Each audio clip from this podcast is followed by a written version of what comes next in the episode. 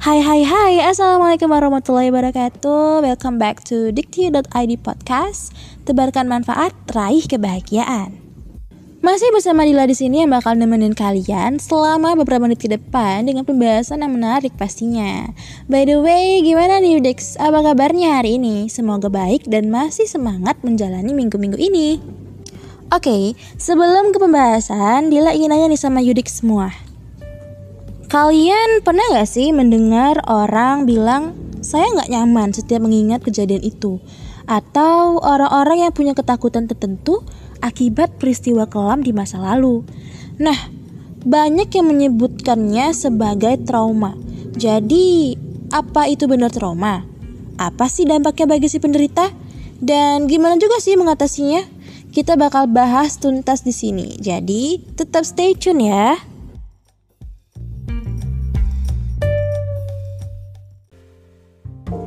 Menurut informasi yang Dila baca di website dikti.id, Kevenak dalam Mental Health Channel menyatakan trauma adalah suatu peristiwa yang menimbulkan luka dan perasaan sakit. Baik peristiwa yang menimpa fisik maupun psikis, baik secara langsung ataupun tidak langsung. Trauma itu berupa kejadian negatif yang belum diatasi secara psikologi saat itu terjadi. Dan Penyebabnya itu bisa macam-macam, bisa kehilangan orang yang dicintai, dihianati, dihina, dibully, pernah mendapat perlakuan buruk, pernah mengalami bencana alam, terorisme, perceraian orang tua, dan masih banyak lagi. Jadi, karena dia nggak diatasi dengan baik saat peristiwa itu terjadi, kejadian buruk itu terpendam di pikiran dan terbawa sampai sekarang. Trauma ini bakal membuat si penderita melihat gambaran sepintas seperti flashback ya yang membuat mereka merasa marah, kecewa, sedih, takut, cemas. Bahkan ya parahnya tuh ada yang sampai nggak bisa mengutarakannya. Jadi terasa tapi nggak bisa diceritain.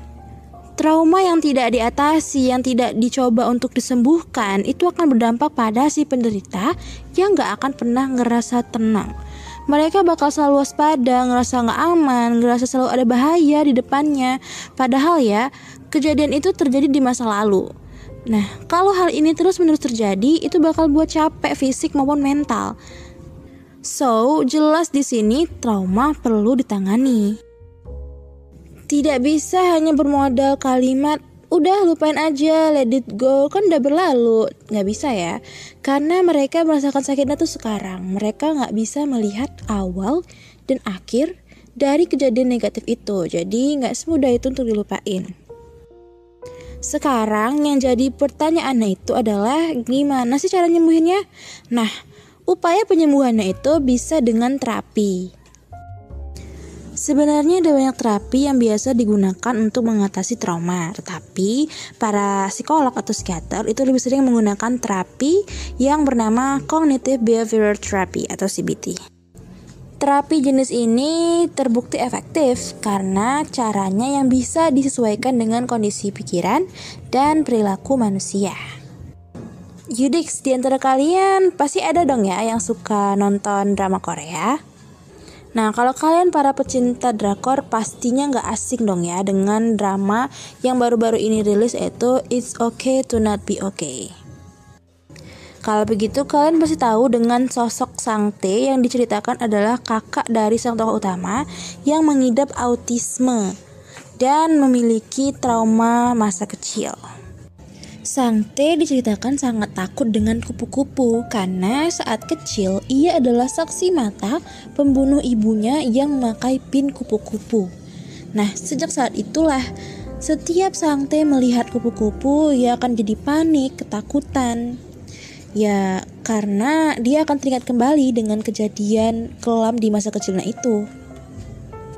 Dan untuk penyembuhannya diceritakan dengan menggunakan terapi yang sama itu terapi cognitive behavioral therapy. Jadi kita akan melihat contohnya atau gambaran jelasnya di sini ya.